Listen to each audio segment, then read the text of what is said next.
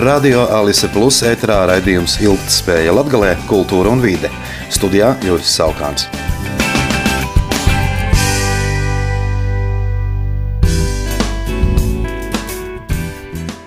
Saskaņā ar operatīvo hidroloģisko informāciju par situāciju Latvijas upēs, vakar Daugavas līmenis Daugopilī sasniedza 5,53 metrus virs ūdens līmeņa mērīšanas stacijas nulles atzīmes.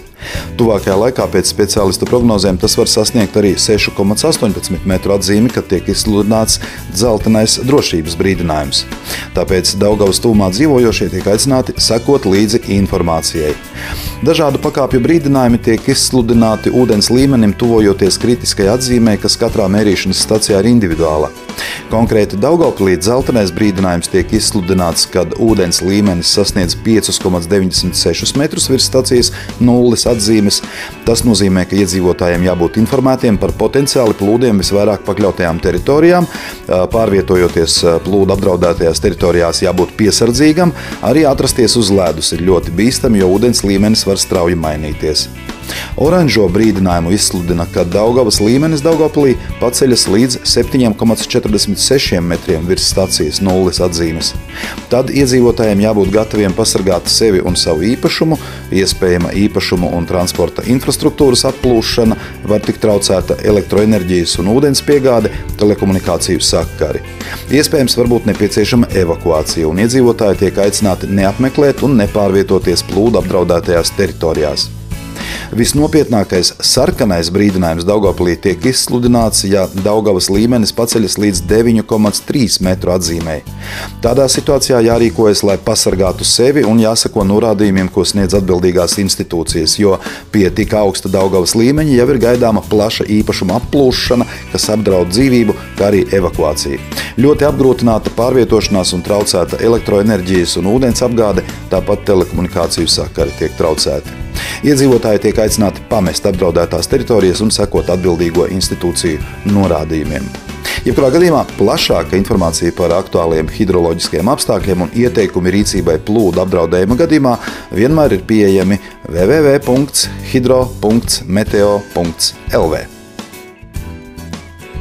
Lai aizsargātu vērtīgās egļu mežaudzes un novērstu katastrofas draudus, kas saistīti ar augiem kaitīga organisma, egļu astoņzobu mizgrauža savairošanos, valdība 28. martā apstiprinājusi zemkopības ministrijas rīkojumu par ārkārtējās situācijas izsludināšanu, nosakot saimnieciskās darbības ierobežojumus un aizsardzības pasākumus mizgrauža aktivitātes samazināšanai Vidzemes, Kurzemes, Zemgales un Latgales reģiona 32 novadu 230 pagastos no šā gada 1. aprīļa līdz 30. jūnijam. Šajā laika posmā vērtīgajās egļu mežaudzēs un to aizsardzības zonās noteikti saimnieciskās darbības ierobežojumi un aizsardzības pasākumi. Ārkārtas situācijas teritorijā ir noteiktas aizsardzības zonas pēc šāda principa. A aizsardzības zona, kurā ietilpst vērtīgā egļu mežaudze, B aizsardzības zona, kurā ietilpst skujkoku mežaudzes 100 metru attālumā no vērtīgās egļu mežaudzes nogabala ārējās robežas, un C tā ir aizsardzības zona, kurā ietilpst egļu mežaudzes 101 līdz 500 metru attālumā no vērtīgās egļu mežaudzes. Vērtīgo egļu mežaudžu aizsardzības zonā savukārt ir noteikti saimnieciskās darbības ierobežojumi. Proti A un B aizsardzības zonās ir aizliegta koku ciršana, izņemot mizgrauža svaigi invadēto koku ciršanu saskaņā ar rīkojumā noteiktajām prasībām. C aizsardzības zonā ir aizliegta koku ciršana kopšanas un izlases cirtē, kailcirtē un rekonstruktīvā cirtē platībā, kas mazāka par 0,8 hektāriem. Koku ciršanas ierobežojumi vērtīgo egļu mežaudžu tuvumā noteikti, lai terpēni nepievilinātu mizgrauzi un mežaudzes būtu aizsargātas. Mizgraužu bojājumu ierobežošanai ir noteikti aizsardzības pasākumi A, B un C aizsardzības zonā. Tie noteica, ka saņemot valsts meža dienesta sanitāro atzinumu, atļauts cirst mizgrauža svaigi invadētus kokus sanitārajā vienlaidu cirtē, ja vien šīs platības atbilst rīkojumā minētajiem kritērijiem. Tāpat piemērotos skujkoku izcirtumos jāizvieto feromonu slazdi. Feromonu slazdu eksploatācija valsts īpašumā esošajā mežā un Rīgas pašvaldības īpašumā esošajā mežā nodrošina meža apsaimniekotājs un mežā, kas nav iepriekš minēts, valsts meža dienests. Lai nodrošinātu nekavējošu pasākumu izpildi ārkārtējās situācijas laikā, valsts meža dienesta apliecinājumu koku ciršanai sanitārijā vienlaidu cirtē izsniedz piecu darba dienu laikā no iesnieguma saņemšanas, un apliecinājuma derīgums ir divi mēneši no lēmuma pieņemšanas dienas. Ja meža īpašniekam vai tiesiskajam valdītājam ir spēkā esošs apliecinājums koku ciršanai A, B un C aizsardzības zonā un koku ciršana saskaņā ar rīkojumu ir aizliegta, valsts mežu dienests desmit dienu laikā pēc šā rīkojuma spēkā stāšanās izdod lēmumu par apliecinājumu koku ciršanai darbības apturēšanu uz ārkārtējās situācijas laiku īpaši aizsargājamajā dabas teritorijā vai tās funkcionālajā zonā, kuras ietilpst A, B un C aizsardzības zonā un kurās ir atļauta sanitārā cirta saskaņā ar valsts mežu dienesta sanitāro atzinumu, izgraužas vai invadētās egles atļauts cirst sanitārijā vienlaidu cirtē, saglabājot visus augtspējīgos citu koku sugu kokus. Valsts meža dienesta apliecinājumu koku ciršanai izsniedz pēc dabas aizsardzības pārvaldes pozitīva atzinuma saņemšanas. Informācija par aizsardzības zonām pieejama arī Meža valsts reģistrā. Jau vairākus gadus Reizeknas pašvaldība sniedz atbalstu māju pieslēgšanai pilsētas ūdens apgādes un kanalizācijas tīkliem saskaņā ar saistošiem noteikumiem. Daudzi Reizeknas iedzīvotāji jau ir izmantojuši piedāvāto finanšu atbalsta mehānismu uh, un šādus projektus jau īsteno savos privātīpašumos. Un pašvaldība aicina arī pārējos nekustamo īpašumu saimniekus, kam ir tehniskas iespējas, pieslēgties centralizētajiem pilsētas tīkliem. Pašvaldības līdzfinansējuma apmērs nekustamā īpašuma pieslēgšanai centralizētajai ūdens apgādes un kanalizācijas sistēmai dalās divās kategorijās - 90% apmērā, bet ne vairāk kā 4000 eiro īpaši atbalstāmajām iedzīvotāju kategorijām, proti personām ar pirmo un otro invaliditātes grupu, daudzbērnu ģimenēm, maznodrošinātām un trūcīgām ģimenēm, vai arī 55% apmērā, bet ne vairāk kā 2400 eiro nekustamā īpašuma īpašniekiem un daudz dzīvokļu dzīvamās mājas dzīvokļu īpašnieku kopībai, pamatojoties uz viņu lēmumu. Par ūdens un kanalizācijas pievadu ierīkošanas pakalpojumu saņemšanas kārtību vairāk var uzzināt SIA Reizeknas ūdens. Saņemot iesniegumu, Reizeknas ūdens darbinieki veic datubāzēs pieejamās informācijas izvērtējumu, vienojas ar objektu īpašnieku par appusēju pieņemamu laiku un apseko objektu klātienē. Pamatojoties uz šīs apsekošanas rezultātiem, Sijā Reizeknis ūdens izstrādā ūdens un kanalizācijas pievada izbūves trasējumu un sagatavo izbūves darbu provizorisku tāmi.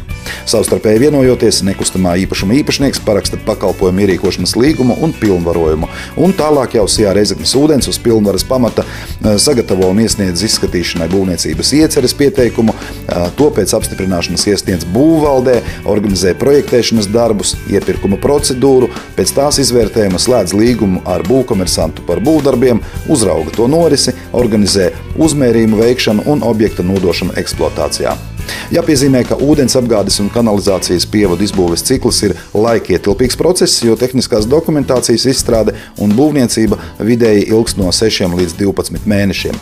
Saskaņā ar saistošo noteikumu nosacījumiem Reizeknas valsts pilsētas pašvaldības līdzfinansējums pieejams tikai pēc pilnas ūdens apgādes un kanalizācijas pievadu izbūves, nodošanas eksploatācijā un, protams, līguma noslēgšanas ar Sijā Reizeknas ūdens. Šajā pavasarī Latvijas vēstniecībai Gors, pirmajai jaunizbūvētajai reģionālajai koncertzālē Latvijā, aprit desmit gadi, ko iecerēts svinēt jubilejas pasākumu ciklā Desmit kā viens.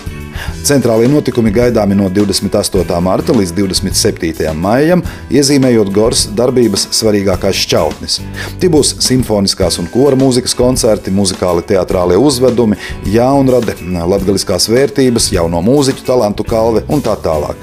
Latvijas vēstniecības Goras vadītāja Diana Zirniņa atzīmē, ka ik gadu Gorā notiek vairāk nekā 150 publiskie kultūras pasākumi, bet apmeklētāju skaits ik gadu pārsniedz 120 tūkstošus. Apmeklētāji un mākslinieki slavē koncerta zāles akustikas kvalitāti, tehniskās iespējas un arī personālu. Atgādināšu, ka Latvijas vēstniecība Gors tika atklāta 2013. gada 30. maijā, kļūstot par pirmo no pamatiem celto augsta līmeņa akustisko koncertu zāli Latvijā. Nedēļas nogalē Reizeknas kultūras namā noritēja 27. vispārējo latviešu dziesmu un 17. deju svētku, deju lieluzveduma mūžīgais dzinējs un lielkoncerta balts deju kolektīvu koprepertuāra pārbaudes un svētku dalībnieku atlases skate. Tajā Reizeknas pilsētas deju kolektīvi uzrādīja ļoti labus rezultātus.